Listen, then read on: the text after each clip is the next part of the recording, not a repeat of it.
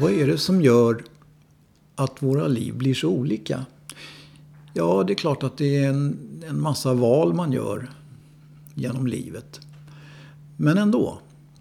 Idag har jag bjudit hit en gammal polare, Stickan Andersson, hästen. Han och jag är lika gamla. Vi bodde på samma ställe, i Fårdala. Eh, våra föräldrar hade väl liknande status och jobb och så vidare. Och vi umgicks i samma kretsar. Men sen hände någonting och våra liv kom att bli fruktansvärt olika. Och det är det vi har tänkt att vi ska prata lite grann om idag.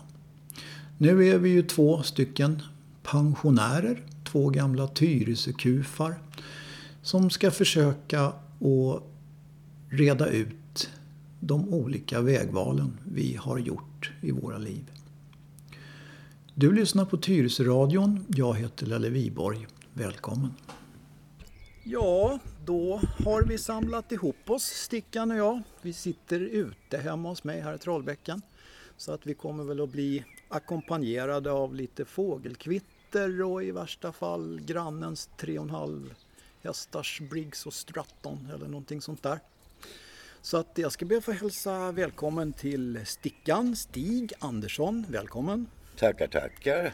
Här sitter du bra va? Ja, absolut. Mm. Är du vaken? Skönt och Ja. gott kaffe. Ja, du ser. Tack, tack. Är du vaken? Jajamän. Ja, det är bra. När, när jag pratade med Stickan igår så, så sa jag det att ja, men Stickan ska vi träffas klockan 11? Ja, så Stickan det är lite tidigt. Sover du bort halva dagarna eller vad gör du för något? Ja, lite klar- så är det ju tyvärr. Det- det Man det. blivit pensionär vet du så. Ja, nej, men det är tvärtom. Alltså, när man är pensionär då käkar man lunch vid tio tiden. Jag har inte kommit riktigt dit än. Nej, nej, du är, inte, du är inte riktigt där än. Nej. Nej, och anledningen till att vi sitter här och språkar det är ju det att vi eh, tänkte så här att det, det är så olika vad man tar för val här i livet och hur, hur livet blir. För att Stickan och jag, vi eh, växte upp på samma ställe. Vi är nästan lika gamla, det skiljer ett år. Och vi hade ungefär samma förutsättningar. Morsan och farsan och det var skötsamt och vi bodde, Stickan bodde i villa och jag bodde i radhus. Och, och sådär och vi umgicks väl inte då men däremot lite senare när, när det började bli, ja man hade gemensamma kompisar och fester och sånt där. Ja, i tonåren typ. Ja. Ja, i de tidiga tonåren. ja. Så att, eh, eh, men sen så hände det någonting och vi ska komma till det så småningom här. Men ska vi börja från början Stickan? Vilket, vilket eh, år flyttade du hit till Tyresö? Eh, vi flyttade hit 65 då, men farsan byggde ju kåken 64. Ja, Så jag fick ju åka med honom från Farsta och ut hit till Tyresö på morgnarna. Mm. Och gå till skolan i Stimmet där och knallade över ängen fram till moppekurvan och följde grusvägen bort till skolan där. Stimmets skola. Och,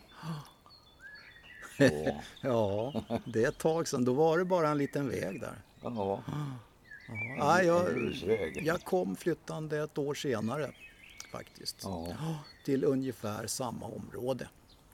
Eh, och du har en brorsa va? Eller En fler? brorsa och tre syrror. Jaha, de har jag missat. Alltså. Är de äldre de eller? Ja, nej, en, en yngre syrra och två äldre. Jaha, okej. De två äldsta är ju faktiskt egentligen bara halvsyrror men jag har Mm. aldrig sett dem som mina halvsyrror utan det är ju mina systrar. Ja, ja. Ja, där ser man. Eh, och lillbrorsan Lasse, det är ju eftersom du kallas för hästen då så kallas ju han för Fölet. Ja, Ja.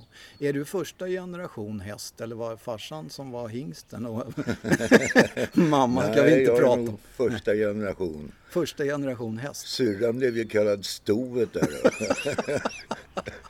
Fint. Det var väl inte så populärt från hennes sida kanske. Nej, det kan jag Morsan tyckte det var kul så när det ringde på telefonen fram på fredag eftermiddagarna kvällarna då svarade hon bara Stallet, alla spiltorna är tomma. Ja, det, det, så kan det vara. Men var kom namnet hästen ifrån egentligen då? Det, det fin, ja, jag Ja, menar, du, det- ja, Ja, folk tyckte jag skrattade som en häst. Jag tror aldrig att jag hört en häst skratta. Jag har hört Nej. den gnägga. Men... Då frågade ni om jag skrattade med, med något gnägg eller vad det kan ha varit. Jag, jag är osäker faktiskt. Men... Ja, men, men som sagt, hade man frågat på den tiden liksom så här, känner du stickan? Då hade folk sagt nej, jag har aldrig hört talas om men känner du hästen? Ja, då, hade, ja, då hade det inte varit några problem. Nej. Nej, men som sagt, och nu pratar vi ju då eh, 60-tal. Ja. Ja, och egentligen så, så hände det väl inte så mycket mer än att man var en liten parvel fram emot slutet på 60-talet egentligen. Det var väl då när man började närma sig tonåren och det här, det var väl då som, som eh, det började hända grejer för att det byggdes ju så mycket då. I Bo- Bollmora var ju på väg att byggas då. ja. Och vi hade, ju, vi hade ju egentligen hela eh, kommunen för oss själva för de flesta morsor och farsor de jobbar ju. Så Ja. vi, hade, vi härjar ju fritt här ute på dagarna. Kommer du ihåg det? Ja, absolut. Det fanns ju en fritidsgård där, men där skulle man ju vara 13 år. Det var ju Stim, Stimmatgården. Stimgården, ja just det. men Stickan som jobbade där, Pilblad, han var ju ofta snäll och lät den komma in ändå, liksom, även om man inte hade åldern inne. Det, det, det, jag minns ju Stimgården men jag tror aldrig jag har varit där förrän på de hade ju lite konserter och sånt där, lite men det var långt senare. De hade något band som spelade där. Och, Det var lite valborgsfirande och grejer Ja. där också. ja, det var det. Ja, för, fast den, den stora ungdomsgården sen lite senare, det var väl ändå Grottan. Absolut. Mm, Ja. där var ju du mycket. Oh, ja. Ja, jag var inte där så mycket, men eh, det hände väl som sagt. Ja. Och det där var ju en samlingspunkt för, för Ja, ungdomarna. Men eh, grottan, ja det var ingenting för mig egentligen. Men, men det var ju, du höll ju till mycket där och, och dina polare. Och, Ja. Så att, eh, det är någon granne här som har dragit igång någon maskinaktigt men det kan vi inte göra mycket åt. Vi måste tänka på grannsämjan.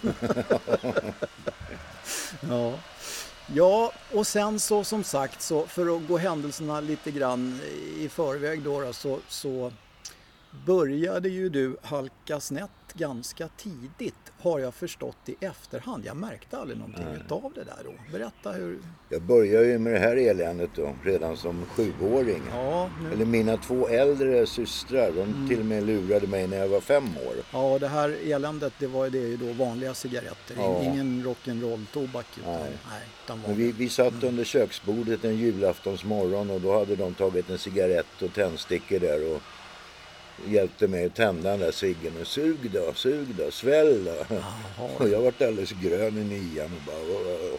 mådde jättedåligt. Ja, ja, ja. Men sen på den tiden så var det ju liksom reklam. Så här stora, jättestora reklamaffischer. Med ra- racerförare. ja. Det var cowboysar och allihop hade en cigarett i handen. Och det där gjorde nog intryck på mig. Vet du. Så där tuff vill jag också vara tänkte jag. ja. Det, det var ju så. Och det var ju, på den tiden så var det ju tufft att röka. Ja, Tyckte vi själva i alla fall. Ja. Jo, jag var också i smygrökartagen där under några år. Så att, eh, Men... eh, ja, många av våra föräldrar de rökte ju i bilen när vi åkte med och sånt där. Det var ju liksom, det var så, så naturligt för dem. Mm, precis.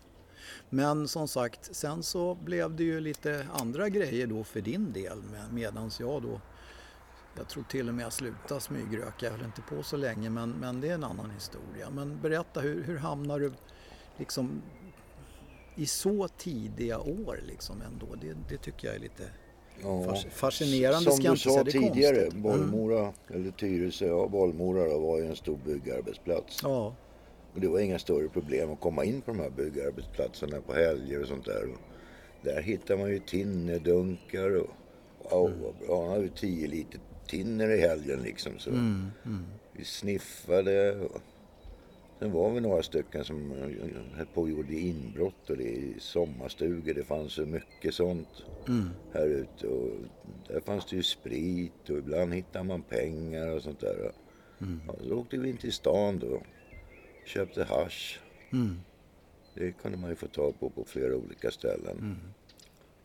Fyran på Gamla Brogatan där. Och uppe på där bankpalatsen där låg vid Hamngatan, Sveavägen. Då. ja just det. Där uppe på terrasserna satt ju folk ofta och Mm. rökte och sålde. Och då var det väl kanske mest konstnärer och sjöfarare som höll på och rökte som fick med sig det från sina utlandsresor. Ja, det kom, kom den vägen ja. Ja. Mm. Och det fanns ju inga lagar eller någonting emot Nej, droger på den tiden. Det här var alltså 65, 65 och då, då var du alltså nio bast. nio bast. Ja. Ja, det var ju medan man fortfarande var, gick i kolt höll jag på att säga. Det var det ju inte men man hade i alla fall inte hamnat i den svängen. Nej. Ja, det var alltså så, så pass tid. Det här alltså, och sen så, så rasslade det ju på förstår jag då. Det blev väl lite tyngre och tyngre grejer. Men jag är så förvånad över att jag, jag, jag märkte aldrig någonting av det här. Jag menar, du kan ju inte varit ensam om det där.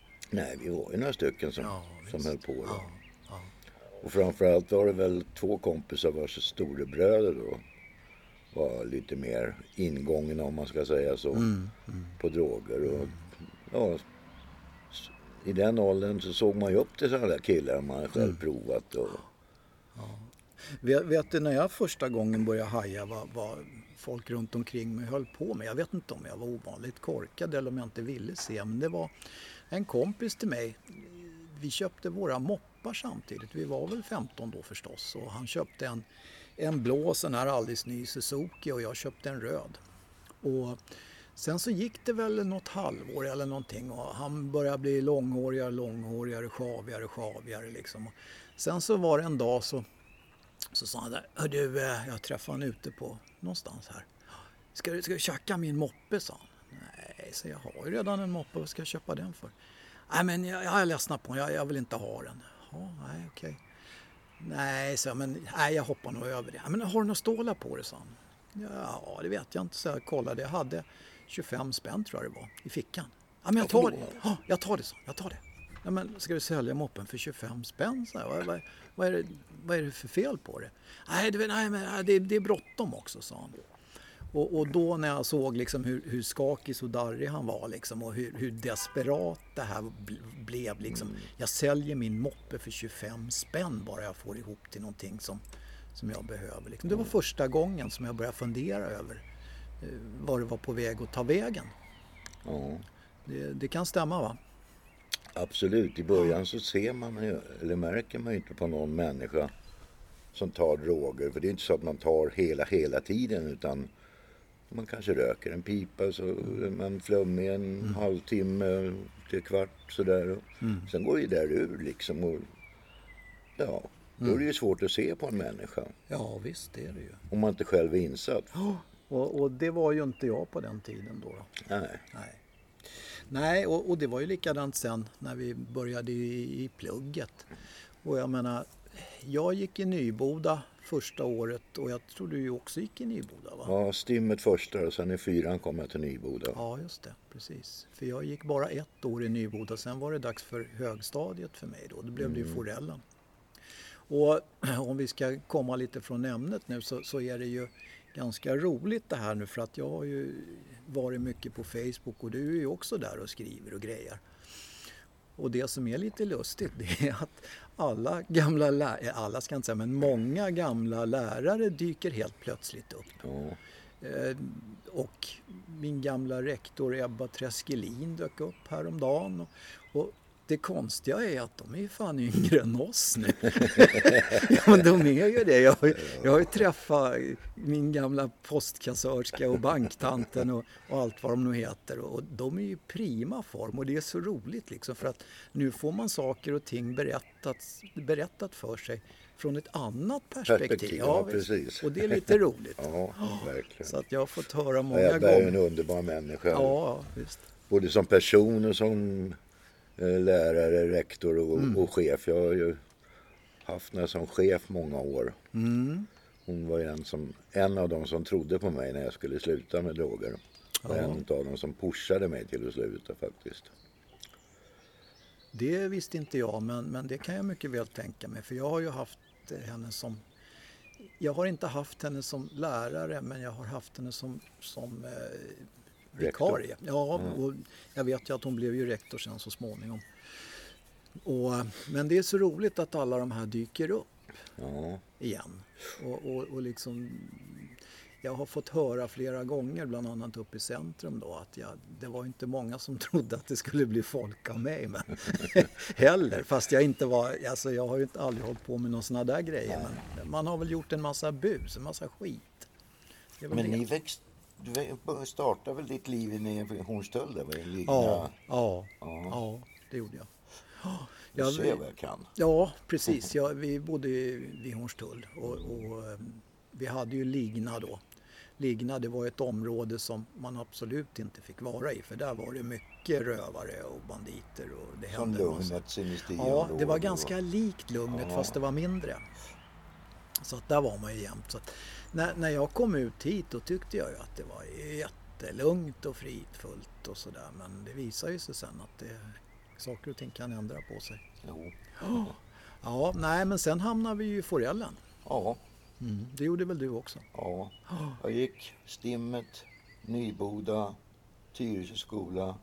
Sen var vi första klassen, sjätteklassare i Fornudden. Och sen var det Forellen då. Mm. Så de tog inte tag i problemet utan de flyttade bara på det så här. Jaha, så att du fick flytta runt så därför att du var ett frö alltså? Ja, Ja, och det var ju så att skolan kunde, kunde inte tillgodose mina behov av studier och vad jag skulle behöva lära mig. För jag kunde redan skriva och läsa och till och med räkna plus och minus innan jag började skolan. Så för mig så kändes allt det där som en jävla repetition. Så jag började ju skolka redan i trean. jaha. Och det följde ju med sen. Ja, jo Och det... om man nu var på lektion så var det ju mest bara massa bus och hysch som man åkte ut istället. Så. Jo, jo, det där, det där känner jag igen. Men sen hörru du, sen, sen började vi ju hamna på samma fester du och jag. Ja, ni hade ju den där festklubben va? Ca- Candy, Ja, Candy Coos Club. Candy Goose Club, ja, Ja, just det. fast det här, var, det här var nog lite tidigare ändå för att det var ju mycket hemmafester på den tiden. Ja, det var det. Det, man gick inte ut på lokal. Utan Nej. man, och, och nu har vi börjat närma oss 70-talet här så att det, det var, måste ju ha varit då någonstans va, när, man, när vi kom upp i 15-årsåldern. Ja, Och du var ju, du var ju damernas eh, förtjusning, männens skräck. Det, jag menar, du hade ju, hade ju gott om dambekanta. ja. Vi som Men hade, jag vi, stadgade mig väl aldrig sådär. nej, vi som hade utseendet emot oss, vi hade inte lika lätt. Ja, jag hade ju inte det. Eh, jag har ju fått hört efter, efteråt att man, många som tyckte om en och tyckte man såg bra ut och hej och Men det tyckte man ju inte själv liksom. Man hade ju inte det självförtroendet. Nej, men jag tyckte du bytte damer lika ofta som jag bytte kalsingar ungefär. Men Ja, jag bytte kalsingar rätt, ja, jag, jag bytte kalsingar rätt ofta på den tiden ska du veta. Till skillnad mot nu. Nu, nu är det till midsommar. Oavsett om det behövs eller inte. Ja, nej, men det var väl så. Men, men då tyckte jag att då började det slira ur. In, inte specifikt för dig, men för många. Ja, Och sen så småningom då så, ja sen kom ju det här med, det blev moppar, det blev 125 det blev tunga hojar och det blev bilar.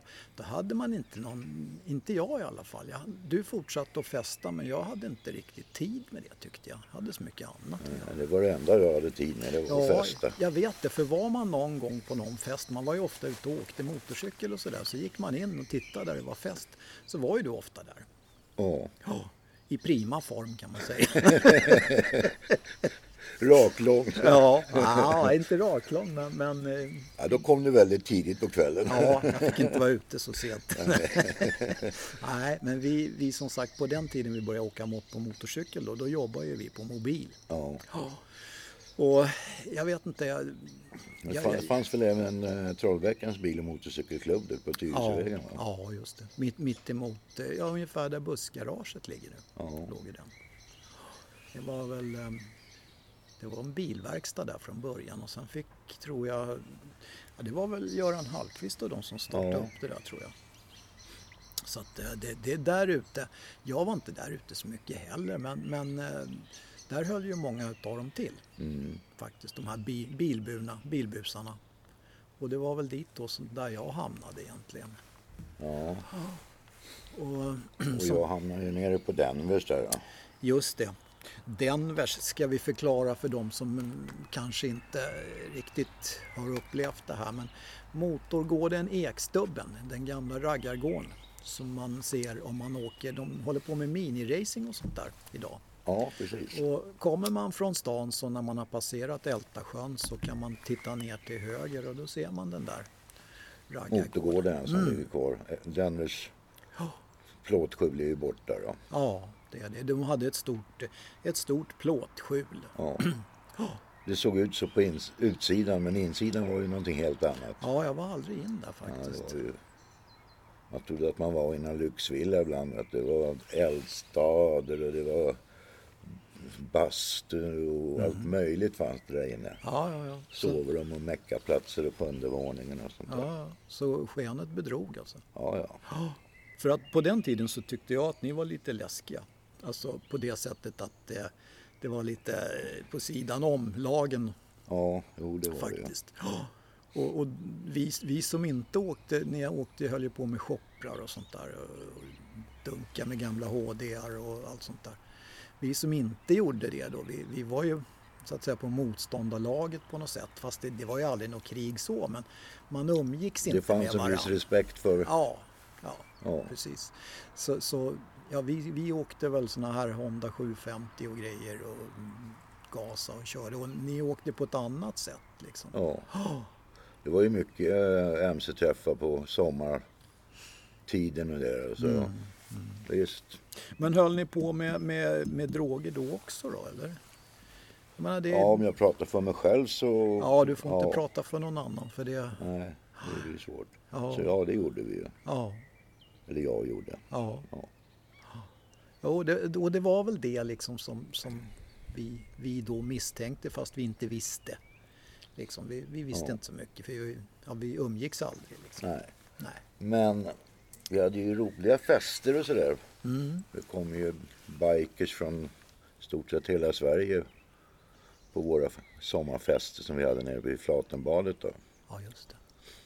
Och det nästan roligaste minnet det var en polispatrull som har åkt förbi där ett par gånger och sett en av grabbarna stått där nere vid entrén. Mm. Så stannar de till slut och undrar varför han står där för liksom. Och han tar inträde här liksom. Vadå inträde liksom? Och vi är fest liksom. Han är fest. Och du, vi har varit tre gånger hos samma familj i Kärrtorp nu. Och är på väg dit igen. Där är det ett satans liv. Och ni säger att ni har fest. Och kom får ni kolla. Så han tog med sig de där två poliserna. Då går det ju upp för en backe och sen sluttar det ju ner där mot badet. Ja, just det. Det här är ju från barn, eller från barnflaten sett då. Det som är när, närmare stan så att säga. Ja. Och när de kommer upp där över krönet och ser det, så 1500 bikers. Musiken skrålar och folk är glada och dricker öl och bara Hä? Ja. Så Vad- bara, och det var det jäkligaste liksom tyckte de. Bara. Men de var tvungna att åka iväg igen. För de skulle ju ta hand om den där bråkiga familjen i Kärrtorp som störde där. Men att vi inte störde det. Nej, jag ska passa på att säga det också Stickan för de som vrider på radion här nu och kommer in mitt i programmet att vi sitter och pratar här, jag, Lelle Viborg och Stickan Andersson om gamla tider och hur livet har tätt sig. Vi sitter här som två gamla pensionärer och filosoferar här lite nu. Och nu har vi kommit fram till hojåkartiden.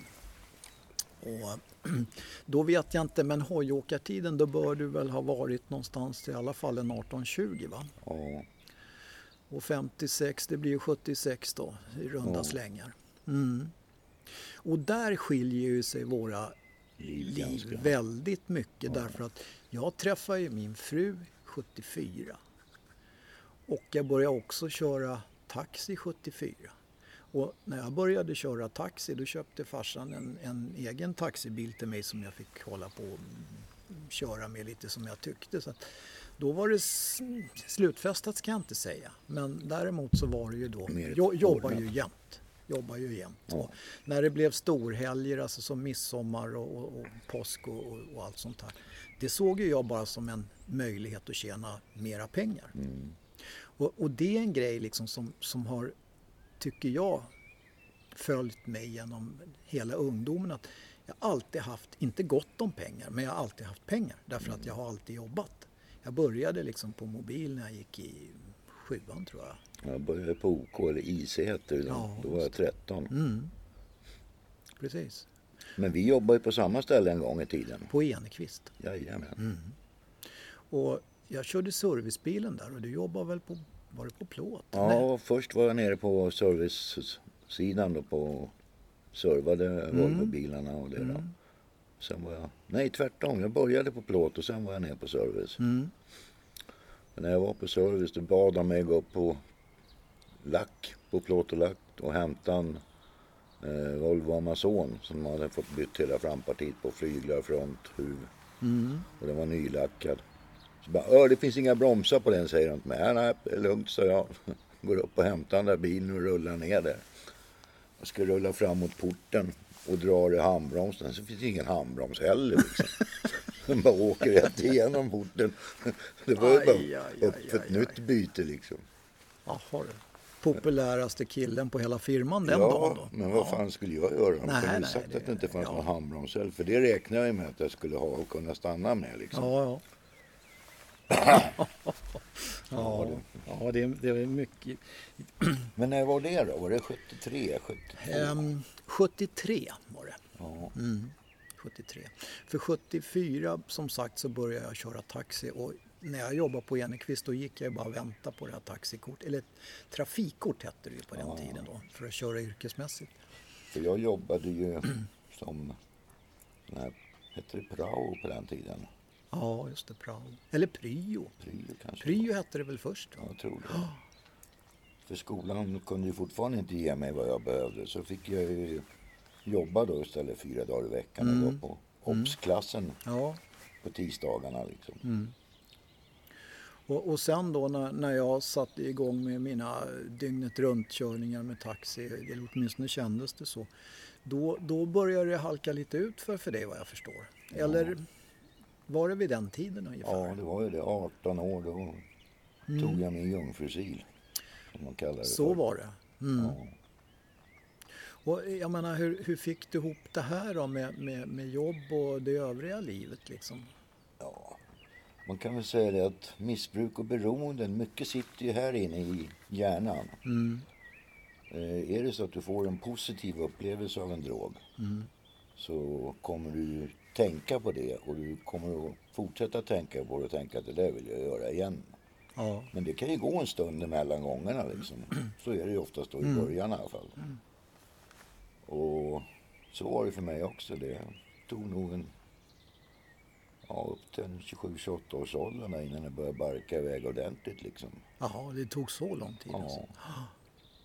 Ja, ja, ja. Men, men ehm, ja, jag, jag, jag har ju som sagt, jag har aldrig snuddat ens vid den världen. Men jag, jag fattar ändå inte liksom hur man får ihop livet med, med för jag menar, det, dels måste det ju kosta en jävla massa pengar. Ja, Och det måste ju liksom hela, hela livet med boende och polare och allt sånt där. allt Det måste, ju, ja, det måste ju bli knepigt. Ja. Och jag blev ju vräkt till slut. Jag hade ju en lägenhet på Sikvägen där, 61. Mm. Och de som var mina tätaste kontakter, det var ju säkert polisen för de jagade en ju ganska frenetiskt då. Mm. Det kan jag tänka mig. Men jag, jag klarade mig oftast väldigt bra. Jag var inte så dum så jag körde fram. Ibland körde jag ner på baksidan av huset där 57 till 61. Ja, just det. Där längst ner. tvättstugan låg. Och så hade man ju skogen bakom det då. Mm. Och ibland ställde jag mig borta vid Öringe där vid bussgaraget. Parkerade där. Ibland parkerade vid minigolfen. Så, Men, men vad, vad ville de ha tag på det för då? då? För, ja, de vill ju leta efter droger. ja, ja. Ja. Så... Men... eh, Men på den tiden då, då höll du väl inte till här ute direkt förutom att du bodde här antar jag? Utan, Jo, jag var, Du var mycket ganska här? mycket här ute. ja, okej. Det var väl det att inte jag var det då. Det är därför jag inte kommer ihåg det. Nej. För att eh, det, det var ju ett gäng som, som, som höll på med tunga grejer liksom. Ja. man, Men jag, de umgicks jag inte med. utan- gjorde du inte? Nej. Nej. Det var de som var mer färska och oförstörda. Ja. okej. Som han hjälpte till att förstöra. Ja, ja. ja, du sa det själv. Ja. Men, jag men, måste, måste få berätta en grej. Man. ja, gör det. En kille som kom hem till, hem till det stället där jag bodde på. Jag bodde i ett garage där nere i Fårdala. Ett garage. ja. Hos en bekant Ja, vars far var rektor. jaha minsann. I alla fall så...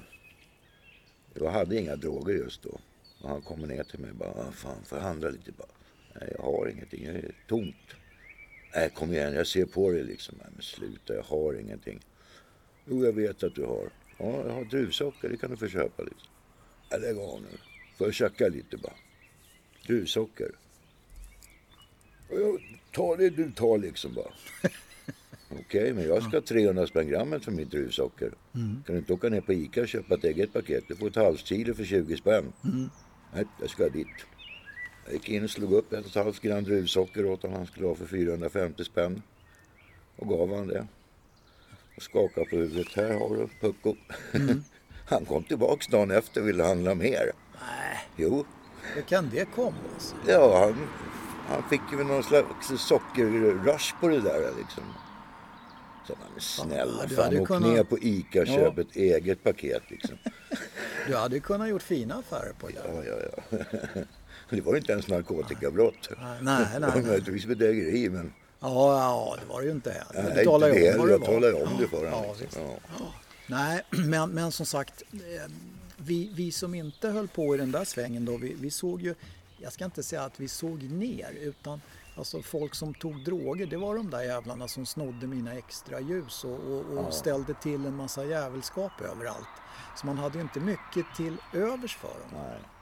Men då kan jag ju tycka då att så småningom så, så när du retade upp eh, ryggraden då fick ju du lite annat, eh, vad ska jag säga, du, du började ju föreläsa och du försökte hjälpa dem som hade satt sig i samma skit som du gjorde. Ja.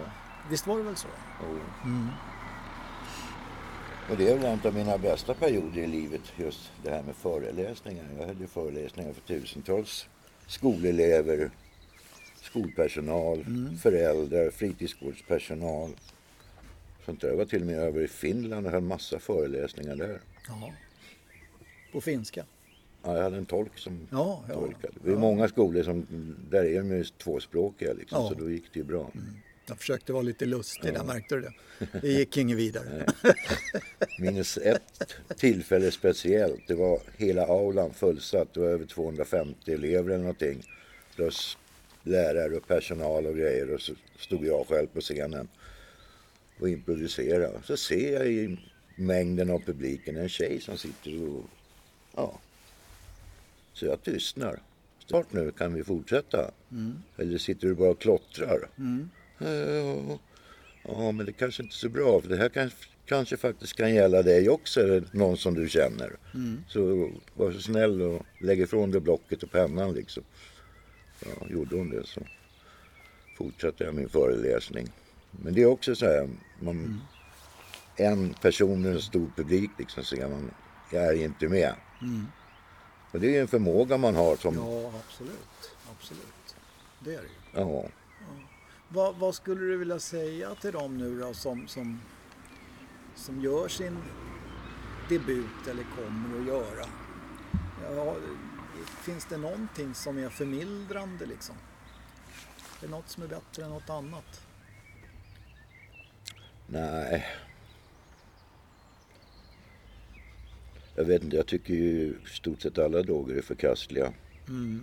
Hasch kanske är den minst förkastliga då, som inte är så skadlig om man säger. Men i i Sverige så är det ju i alla fall förbjudet och jag vet inte, jag har lite svårt för den svenska narkotikapolitiken. Alltså nu, under senare år så har vi haft över 900 dödsfall per år som är drogrelaterat. Och talar man om alkohol så har vi över 5000 dödsfall per år. Så Det, det, är, det är också en, en jämförelse faktiskt. ja. Men du Stickan, eh, hur, hur eh, ser familjesituationen ut idag då? Är du solokvisten eller har du någon? Nej, jag är solo fortfarande. Det är du Ja. ja. Du som hade så mycket tjejer. Ja. Du lyckas inte spara på någon av dem. Nej. kräsen. Vet du. Eller också var det de som var kräsna. Ja, så var det. det kan vara så också. Ja. Nej, men, men som sagt, du bor ju kvar här ute i Tyresö. Och, Ja. Jag har ju en dotter då. Hon är, bor i Frankrike då. Jaha, Hon är faktiskt eh, doktorerad i fransk litteraturhistoria. hoppsan. Så hon undervisar ju på franska i franska gymnasieskolor och sånt där. Tolkar och Ja. Mycket kontakt. ja, eh, på Facebook och sådär. Ja, ja. Och två barnbarn då. Mhm. Sen har jag två plastbarnbarn Jaha. Här i Tyresö då, som, Ja. som jag träffar då och då. Eller ganska så ofta faktiskt. Mm.